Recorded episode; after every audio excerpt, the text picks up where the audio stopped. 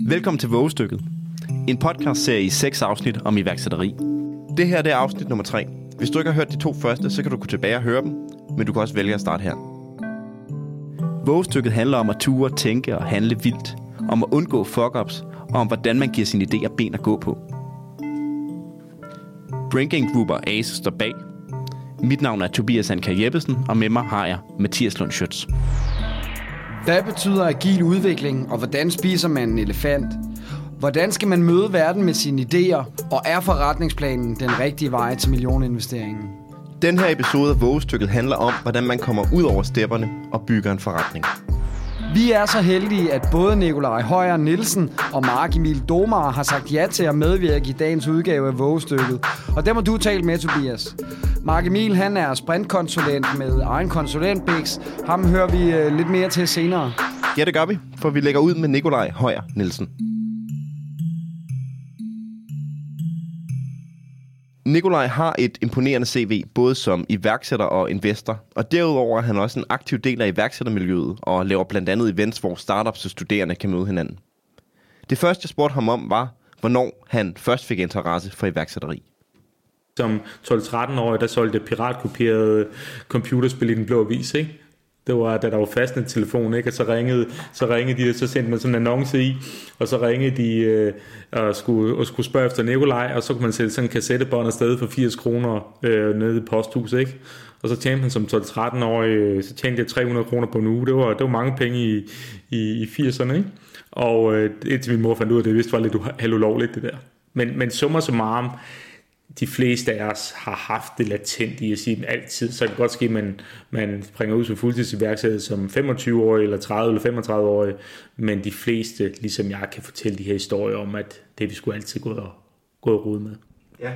Øhm, den sidste episode, den handlede om, øh, om fuck-ups. Øhm, og der har vi fået en masse historier om, øh, om mennesker, der har haft nogle, øh, nogle fantastiske idéer. Øhm, på papiret så de rigtig øh, gode ud, så er de så stødt ind i... Øh, samarbejdsproblemer, øh, et marked, som, øh, som ikke var, som de troede, det ville være. Øh, du har haft, øh, du har haft noget succes hen ad vejen, øh, skal vi ikke være blege for at sige. Øh, men der er mange faldgrupper. Øh, hvad er sådan den største læring, du har haft undervejs, mens du har lavet virksomheder? Jeg tror, den største læring, det er, og det bliver meget nemt klichéagtigt, men det er, at det hele handler om mennesker. Og det er nemt forestille sig, nu sidder vi i en rundkreds og skal drikke te og kaffe, men, men idéer er der så mange af.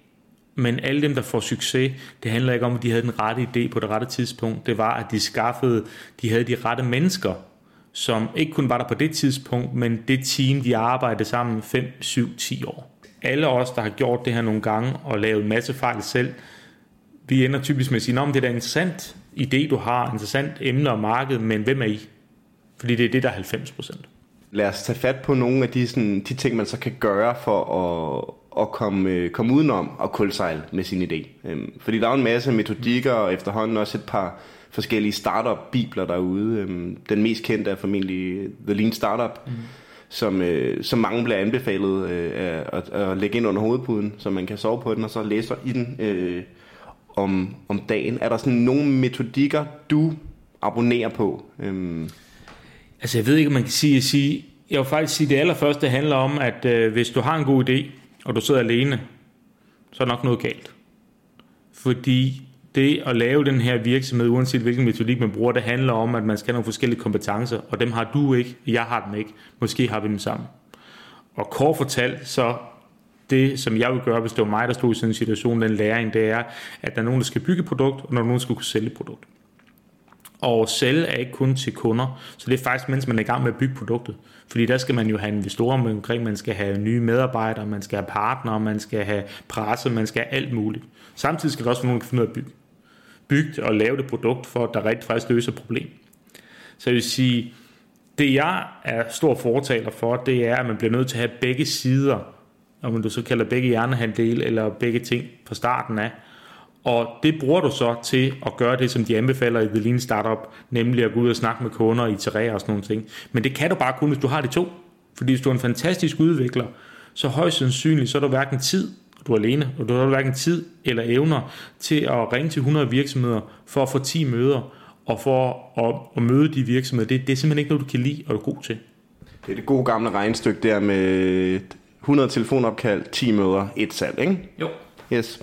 Øhm, vi har, øh, vi har hørt mange historier, mens vi har lavet den her podcast-serie, om, øh, om folk, der har haft den her fantastiske idé. Så er de siddet nede i kælderen og, øh, og bygget, og når de så havde lavet det her mega fede produkt, så har de taget det, taget det ud på et marked, og så er det kulsejlet fuldstændig. Øhm, så der, der, der ligger i hvert fald en fejl, hvis man, hvis man isolerer sig med sin idé. Og det er også der, hvor, der, hvor du siger, at der er det vigtigt at have, have en øh, med på sit team, der kan være i kontakt med et marked. Øhm, men hvordan, hvordan kan man gå ud og sikre sig, at man har noget, som folk rent faktisk gerne vil have, og endnu vigtigere at betale penge for? Det er, det er jo altid svært i starten, øhm, når man ikke har produktet. Men jeg skal sige, hvad man ikke skal gøre. Og det du skal gøre, det er at lave en online spørgeskema og sende ud til dine venner og spørge på en skala fra 1 til 5, hvor godt er det her. Fordi dine venner er højst sandsynligt ikke målgruppen. Det er højst sandsynligt en specifik gruppe, om det er så forbrugere, der er hestinteresseret, eller det er virksomheder inden for en speciel branche. Så for det første er det dem, du skal have fat i.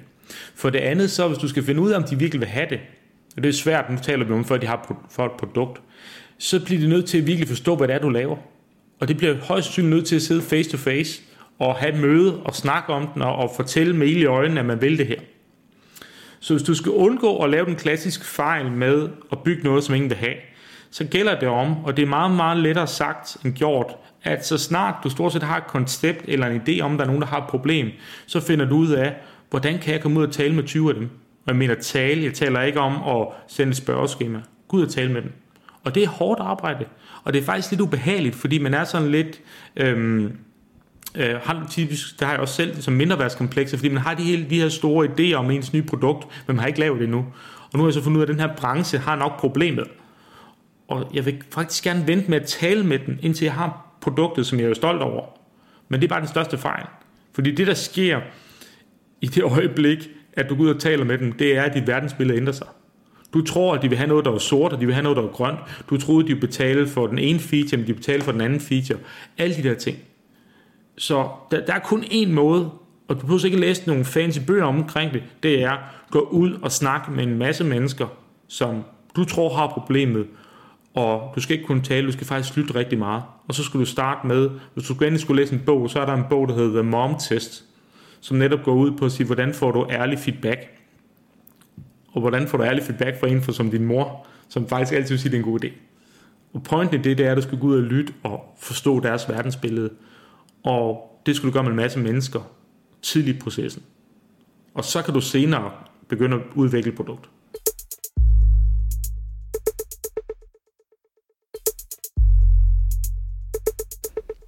De gode informationer, du skal bruge, dem får du gennem samtaler med mennesker. Og det er jo sådan set en meget øh, banal pointe. Det kan man sige, men alligevel er det stort set altid her, at det går galt. Og derfor kan det ikke siges ofte nok. Rigtige løsninger og produkter skal laves til rigtige mennesker. Ja, og derfor, som Nikolaj han siger, gå ud og tal med dem. For så får du et meget mere præcist billede af verden, eller det marked, du skal agere i, og de kundetyper, du skal servicere. Når du så har talt med folk og fået et nyt take på dit verdensbillede, eller fået det justeret, hvad sker der så? Så skal du i gang med at bygge for alvor, men ikke et rumskib til at starte med. Man har fået noget feedback. Øh. Man har formentlig også fået forstyrret sit verdensbillede en ja. hel del. Hvad, hvad, hvad gør man så med, med den læring der? Så laver du et lorteprodukt. Forstå på den måde, du laver et produkt, som du faktisk er pinligt berørt over. Fordi du har en stor vision. Du vil gerne lave det her, om det er software eller hardware eller et magasin. Du vil gerne lave et eller andet, der er fantastisk. Problemet er, hvis du skal lave det der fantastisk, selv efter du har fået den der fantastisk, eller feedback fra de kunder eller forbrugere, så vil det tage tre år. Og det kan du ikke vente på. Du kan ikke vente på den næste runde af feedback. Så du bliver nødt til at lave noget, og det er jo det, de taler om i Lean Startup, men du behøver ikke læse bogen. Det handler bare om at sige, hvordan kan jeg lave et hurtigt produkt, som jeg kan lave ud, før jeg går falit, og som jeg kan gå ud og vise til dem igen. Nu har jeg først fået den indledende feedback, før jeg begynder at bygge noget. Det næste skridt, det kan eksempelvis være en demo-udgave. Det kan være en dårlig, grim app. Det kan være et eller andet. Hvis det, hvis det er noget fysisk, kan det måske være noget, der er 3D-printet på en 3D-printer, i stedet for plaststøbt, eller et eller andet. Og feedbacken her er jo så, i den perfekte verden, som ikke altid findes, så vil de der kunder derude sige, okay, du har et lorteprodukt, men jeg vil faktisk gerne betale for det. Det håber du selvfølgelig. Det næste feste, det er, at du kan committe dem på andre måder. Det kunne eksempelvis være, at du lancerer en app, som du faktisk senere gerne tager penge for, men den er så dårlig i starten, så den er gratis. Ikke? Men folk bruger den. Så summer som arm, du bliver nødt til at have noget konkret at vise. Problemet det er, at hverken forbrugere eller virksomheder ved, hvad vi vil have. Du vidste ikke, før du fik en iPhone måske, at du vil have en iPhone. Du vidste ikke, du ville bruge Facebook, før du begyndte at bruge Facebook. Og så siger den, at det er bare forbrugere. Nej, virksomheder, vi virksomheder er lige så dumme. Vi ved ikke, at vi har brug for det software, før vi begynder at bruge det, eller vi har brug for en ny reklameplatform eller et eller andet.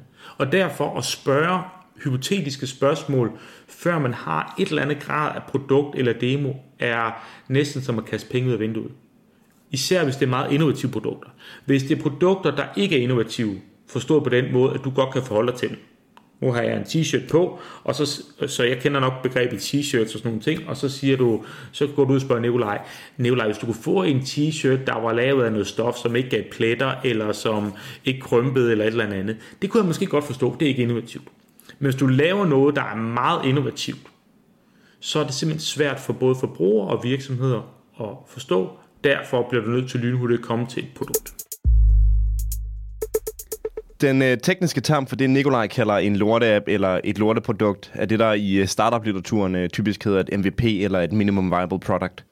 Og grundlæggende set, så ved folk ikke, hvad de vil have, før de ser produktet, oplever servicen eller mærker kvaliteten. Og derfor er det din opgave, hvis du vil sælge til dem, og skabe en, en demo eller en dummy, eller få 3D-printet noget, eller med andre ord, lave en prototype. Og når du så har dit produkt, kunne man øh, fristes til at tro, at, at alt er godt, men sådan er det langt fra. Det kræver slid og slæb at få en lorteapp, eller hvad man ellers beskæftiger sig med, afsat i stort nok omfang. Det er en proces, der faktisk skal tage flere år.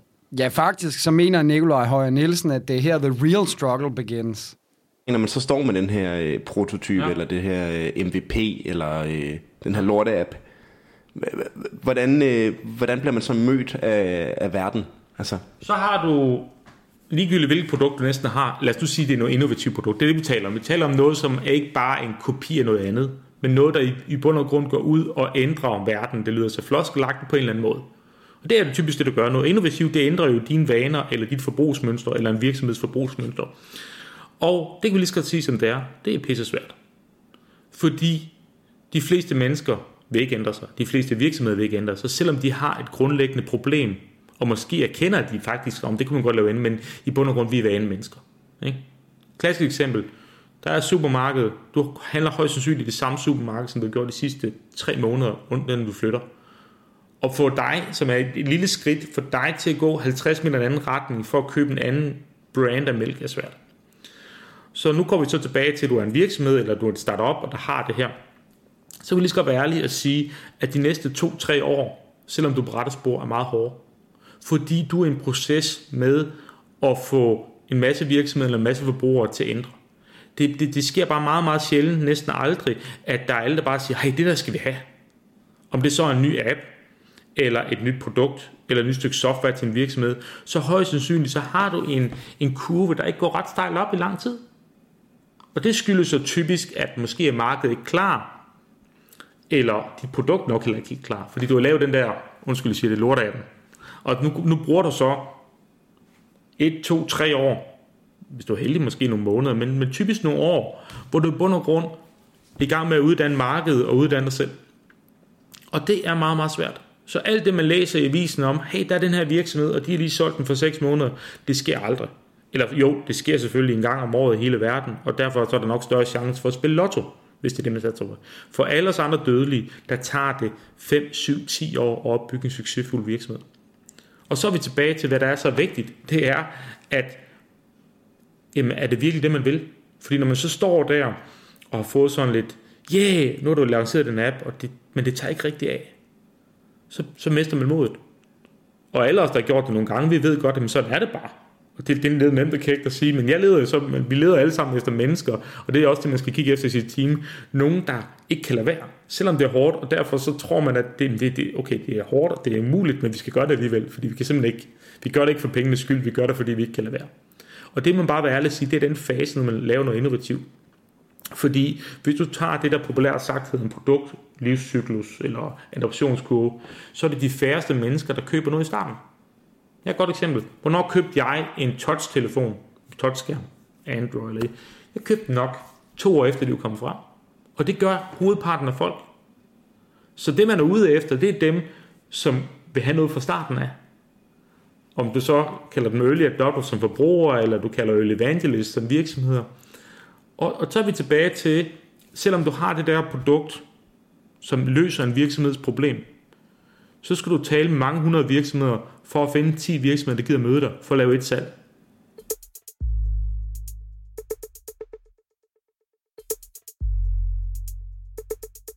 Altså, jeg kan rigtig godt lide det, han siger her med, at man skal uddanne sig selv og sit marked. Og det er selvfølgelig også et spørgsmål om, om viljestyrke, og om at beholde det lange lys på i forhold til ens vision. Men, øh, men Nikolaj, ham, øh, ham vender vi tilbage til igen inden længe, for nu skal vi have Mark Emil Domar på banen. Tobias, ham har du talt med. Ja, det har jeg. Jeg havde øh, Mark Emil her i studiet. Han er sprintkonsulent, og øh, det har ikke direkte noget med atletik at gøre, men, men derimod, hvordan man arbejder hurtigt og fleksibelt med udvikling af eksempelvis prototyper. Jeg talte særligt med Mark Emil om, hvad store virksomheder kan lære af iværksætternes måde at arbejde på. Store virksomheder har en tendens til at arbejde ud fra nogle ret store og langsigtede forretningsplaner. Okay, det lyder, det lyder meget fedt. Så hvad kan store virksomheder lære af startups? Det får vi svare på her. Lad os se, hvad du øh, fik ud af ham, øh, Mark Emil.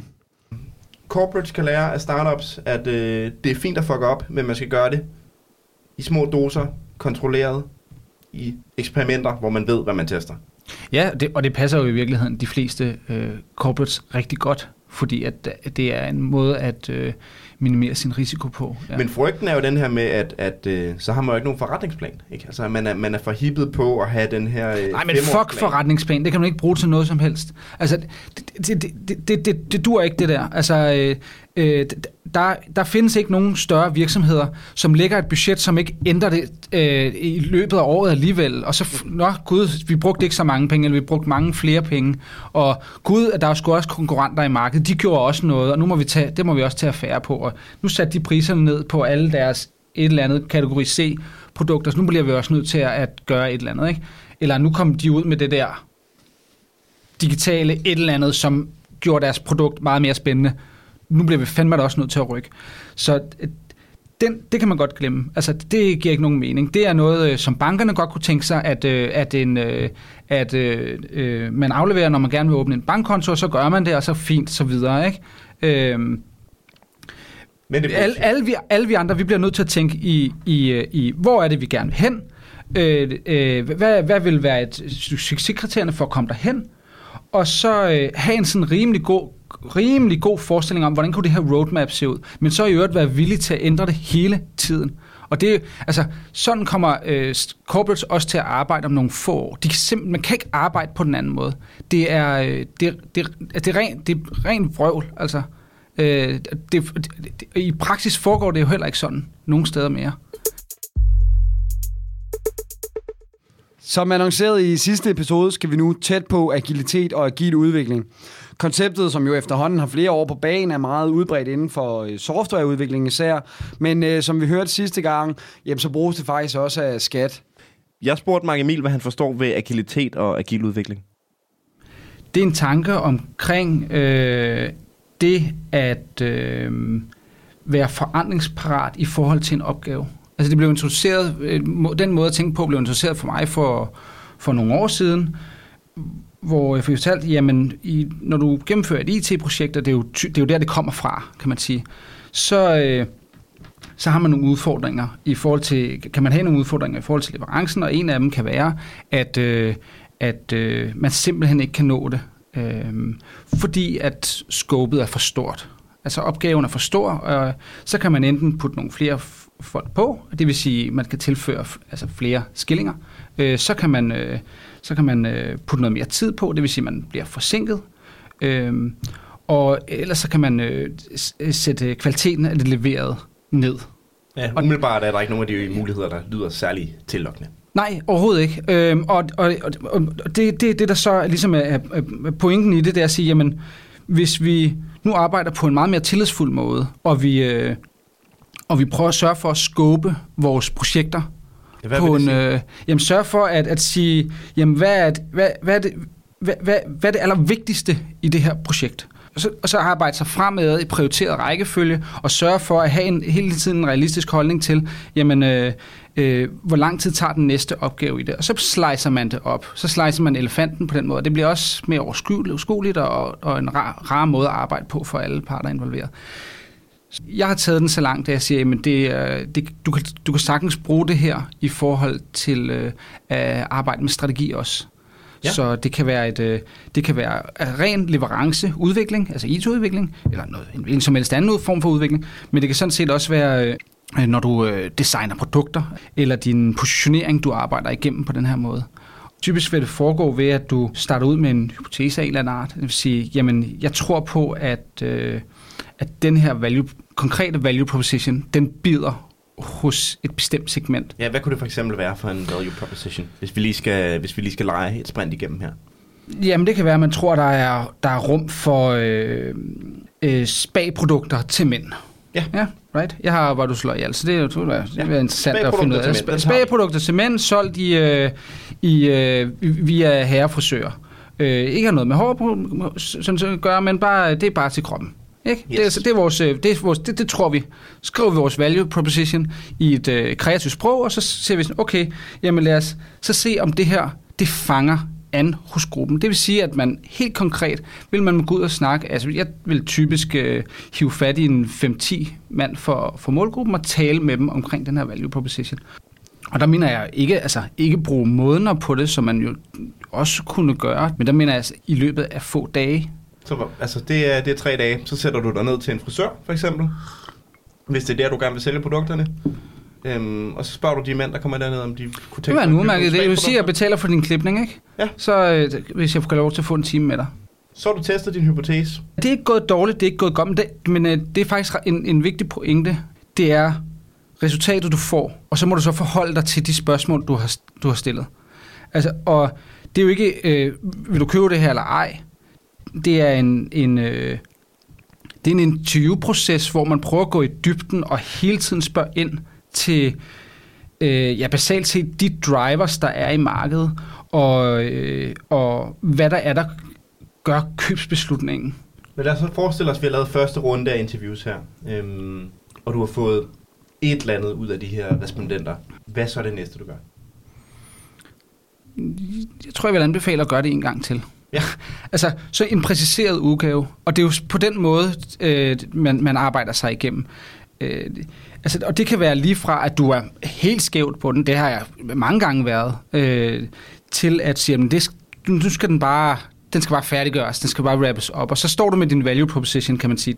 Så kan man med fordel bevæge sig videre øh, af forskellige spor. Nu skal jeg ikke begynde at lave produkter i radioen, men lad os sige, okay, du ved, at øh, fra, fra, dit, øh, fra det, det arbejde, du allerede har lavet med din value proposition, er eksempelvis at designet af de her produkter er forholdsvis vigtigt, og det skal se ud på en bestemt måde, og det skal føles på en bestemt måde.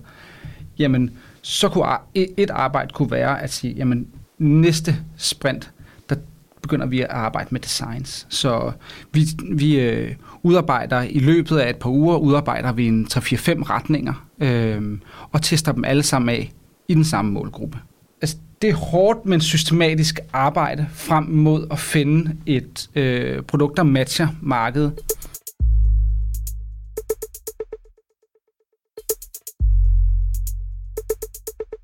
Jeg sidder stadig lige og tykker lidt på statementet. Fuck forretningsplaner det synes jeg er vildt nok. Meget rock and roll, må man sige. Men selvfølgelig også værd at huske på, og måske også i virkeligheden en uh, god overgang tilbage til uh, Nikolaj Højer. Fordi hvad mener han egentlig om forretningsplaner? Øh, jeg spurgte ham faktisk, og jeg kan sige så meget, at han, han er ikke nogen stor fan. Hvordan har du det med, med forretningsplaner? Det afhænger af, hvad man ser som forretningsplan. Jeg, jeg vil, altså, hvis du taler en, en traditionel 50-siders Word-dokument, der beskriver fremtiden, så vil jeg aldrig nogensinde læse den. Jeg læser dem ikke. Jeg har lavet dem ikke. Jeg laver, øh, og, og det er igen fordi, at det er okay, altså det, det er, jeg tror der er et berømt citat, der hedder øh, om forskellen på plans og planning. Ikke? Altså, det, det er godt at lave den der vision og vide, hvad det er, du gerne vil have i dit hoved og sådan nogle ting. Men du skal ikke bruge tre måneder på at skrive det ned i detaljer og så sige, og så i 2021, der åbner vi øh, kontor i Holland, og i 2022 i Tyskland. Fordi du ved det ikke. Igen, du, du er ude at skabe verden, du er ude at skabe verden, og i det øjeblik, du er ude ved kunderne, så ændrer det sig 100 gange. Så jeg vil selvfølgelig godt have en idé om, når jeg snakker med et startup, og min egen startup, hvad, hvad stor kan det her blive? Øh, og hvad er ligesom, hvad er konkurrenter og sådan nogle ting. Men det er typisk 10 PowerPoint slides. Fordi det skal være agilt, det skal være noget, som du kan ændre hele tiden. Fordi nu tror du faktisk lige nu, at det er Holland, vi skal gå til. Og så går der tre måneder. Vi skal til Estland. Og det er noget, du skal være agil i at kunne øh, øh, et eller andet. Så typisk i de startups, jeg ser der forretningsplanen, det vil sige de 10 slides, de, har, de ligger i forskellige udgaver marts 17, april 17, maj 17, fordi vi lærer hele tiden. Øhm, så nej, det, det, nu indrømme, det, det, det tror jeg ikke på.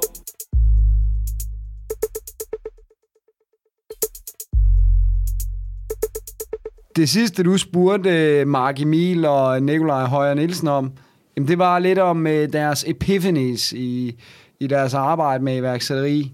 Ja, både i, i, sådan set, i store virksomheder og i helt nye startups. Jeg synes, vi skal lægge ud med Mark Emil. Mange iværksættere har jo den holdning, at altså 100% af absolut fucking ingenting er mere værd end, end en, en blomstrende forretning. Ikke? Øh, der har jeg den holdning, at, øh, at altså, jeg vil gerne dele ud af mit eventyr til folk, der kan øh, hjælpe mig med at nå derhen. Men det er måske også fordi, at skillinger ikke betyder noget som helst for mig. Jeg vil bare gerne basalt set øh, bygge Lego-klodser, ligesom så mange andre. Ikke? Altså, øh, det øh, og drille de store og, og den slags. Ikke? Altså, øh, øh, men, men jeg tror faktisk, at din, din, din chance øh, for at nå i mål øh, med den mission, du så sætter op, usagt, at du så ejer noget mindre, eller øh, bestemmer noget mindre, eller hvad fanden, øh, er væsentligt større, hvis du omgiver dig med øh, dygtige folk, der har erfaring. Ja. Jeg gav Nikolaj Høj Nielsen samme spørgsmål. Den største aha-oplevelse er, at market research virker typisk ikke i meget innovative brancher, fordi fremtiden er ikke... Øh, du skaber selv fremtiden. Og det virker lidt... Nu skal jeg lige prøve at forklare min, min holdning der. Det er, at hvis du har et kendt marked eller noget, som ikke er så innovativt, så siger man, og nu kommer den der type produkt derude, så det marked bliver stort. Når noget er innovativt, så sker det ikke. Fordi det er sådan set dig, der er med til at påvirke innovation. Jeg er med i en softwarevirksomhed, som laver noget inden for digital signatur. Og vi er så i Danmark, og så kommer vi til, til et nyt land. Og så tænker vi, hvorfor er det land, som ellers er lige os, så langt bagud inden for det område? Det giver ikke nogen mening. Ved du, hvad forskellen er? Det er, at vi ikke har været der. Og derfor så handler det om, at du bliver nødt til faktisk at tro på, at det der kan du godt gøre. Du kan godt påvirke verden. Det er ikke fordi, vi alle sammen skal lege Elon Musk, men, men, men det er jo lidt det samme med Elon Musk og Tesla. Det er, at grund til, at alle taler om elbiler nu, det er fordi, der har været sådan en tosse, som startede det for 10 år siden. Ellers kan jeg garantere dig for, at de traditionelle bilproducenter var fuldstændig ligeglade, fordi de har ikke gjort noget. Men, Men nu har Volvo sagt, at de fra 2019 ja, kun vil producere... Og jeg kan garantere dig, nu er det svært at gå tilbage til, jeg kan garantere dig for, at hvis den ene mand ikke har haft et tosset projekt, så har verden set helt anderledes ud. Hvis du er vildt innovativ, så skaber du selv fremtiden. Det kræver, at du skærer elefanten op og bygger en øh, lorte-app. Ja, i hvert fald til at starte med. En anden helt central pointe er, at du skal ud og møde verden, altså virkelig møde den. Og det nytter ikke noget med spørgeskemaundersøgelser distribueret til dit eget netværk på Facebook eller LinkedIn.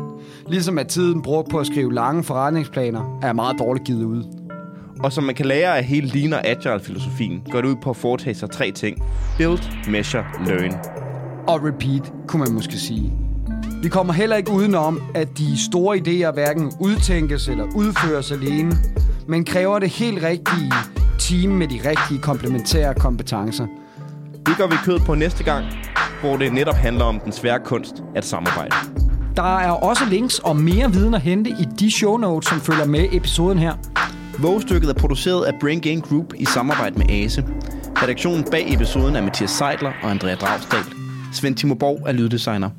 Mit navn er Tobias Anker Jeppesen. Og jeg hedder Mathias Lund Schøtz.